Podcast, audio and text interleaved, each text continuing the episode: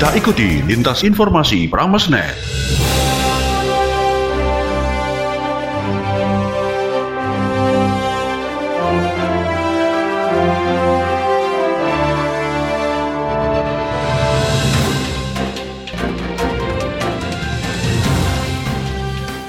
Selamat pagi, kita coba kembali dengan lintas informasi Pramesnet edisi Rabu 4 Agustus 2021 bersama saya Rara Rahasia FM. Siaran ini diikuti oleh 103,9 FM Prames Suara Lamongan, 104,5 FM Bahana Ngawi, 90,6 FM Rasi Magetan, dan 97,8 FM Radio Ronggo Hadi Lamongan. Baiklah sobat, kita awali informasi pertama dari Magetan. Sulit pasokan oksigen, Pemkap Magetan akan beli mesin generator oksigen. Selengkapnya, kita sudah terhubung dengan reporter radio Rasi FM, Adimas. Baik, terima kasih sobat memastikan pasokan oksigen untuk kebutuhan perawatan pasien terkonfirmasi positif COVID-19 di RSUD Saidiman Pemerintah daerah Kabupaten Magetan akan membeli generator oksigen. Bupati Magetan Suprawoto mengatakan, akhir awal bulan September direncanakan mesin tersebut telah beroperasi sehingga mampu mendukung kebutuhan oksigen di RSUD Saidiman Magetan,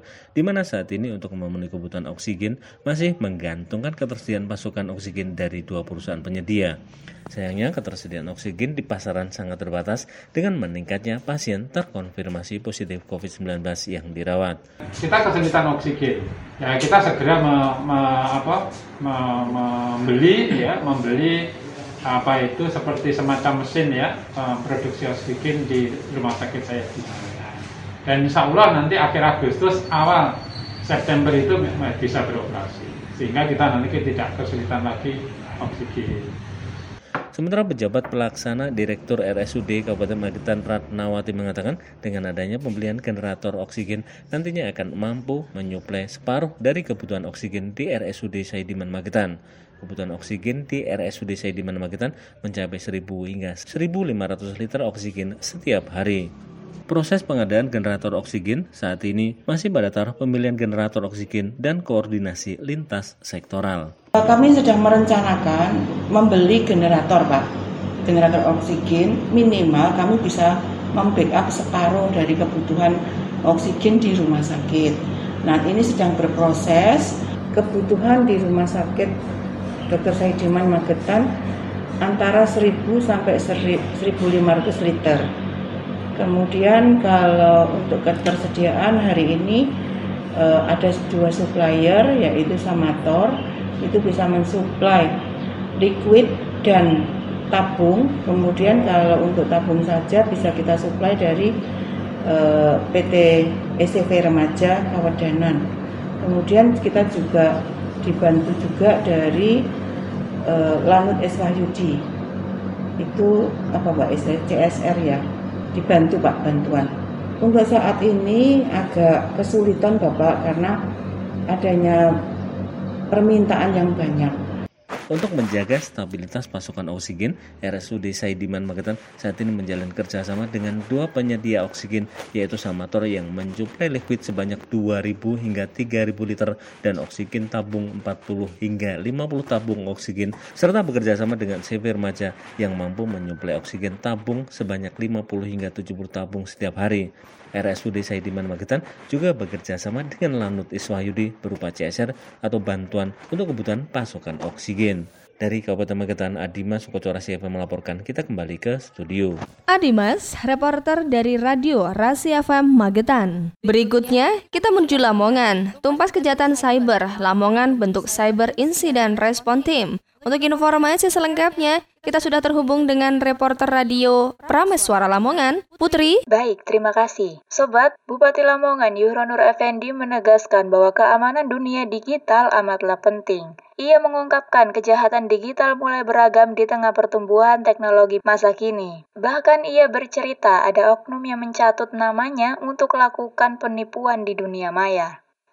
Beberapa kali nama saya ini di dibuat ya dibuat untuk ya minta sumbangan pulsa ya untungnya masyarakat tidak percaya masa bupati minta sumbangan pulsa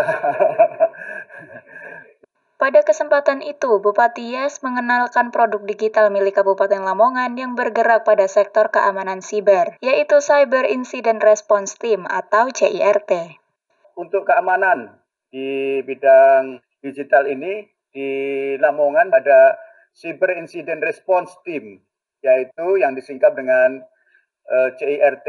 Ini semacam program inovasi lah, program inovasi di bidang persandian yang berbasis kinerja dan ini merupakan uh, program unggulan dari Dinas Kominfo dan Persandian Kabupaten Lamongan.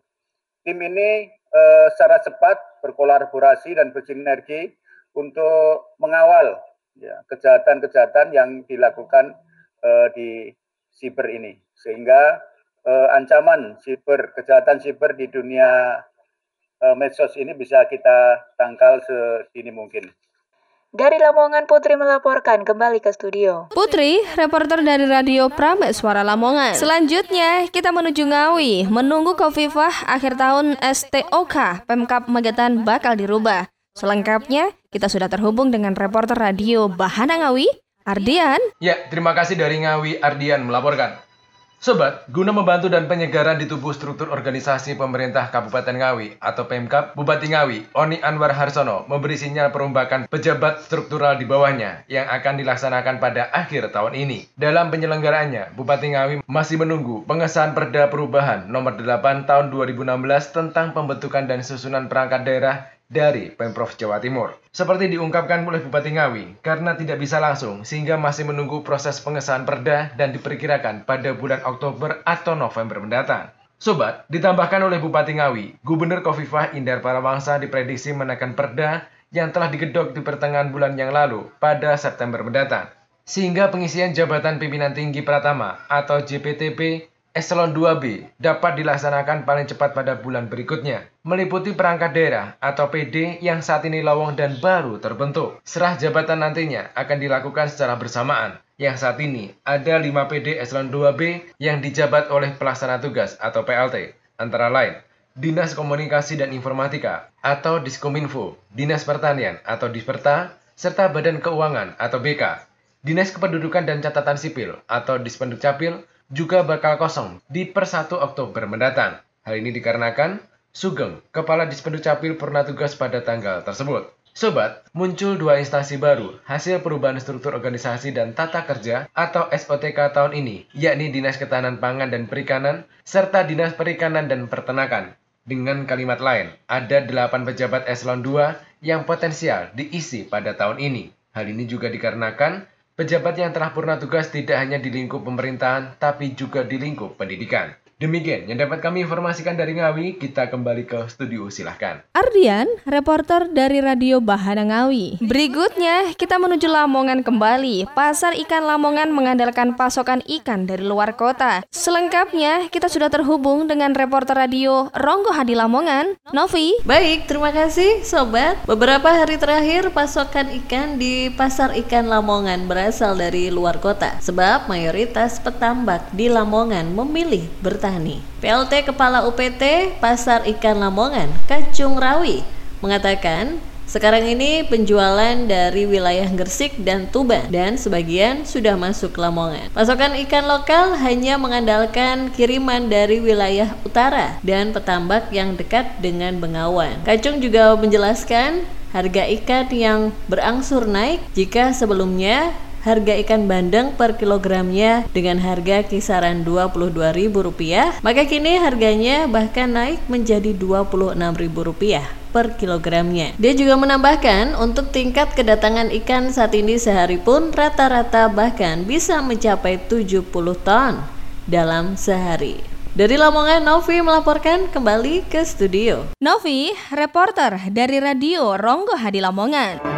Demikian tadi baru saja Anda ikuti Lintas Informasi Pramesnet. Siaran ini dapat Anda simak setiap hari Senin sampai Jumat jam 10 pagi dan jam 4 sore. Saya Rara bersama tim redaksi yang bertugas mengucapkan selamat pagi, sampai jumpa. Demikian tadi telah Anda ikuti Lintas Informasi Pramesnet. Informasi ini dapat Anda simak di 103,9 FM Prameswara Lamongan, 104,5 FM Bahana Ngawi, 90,6 FM Rasi Magetan, dan 97,8 FM Ronggo Hadi Lamongan.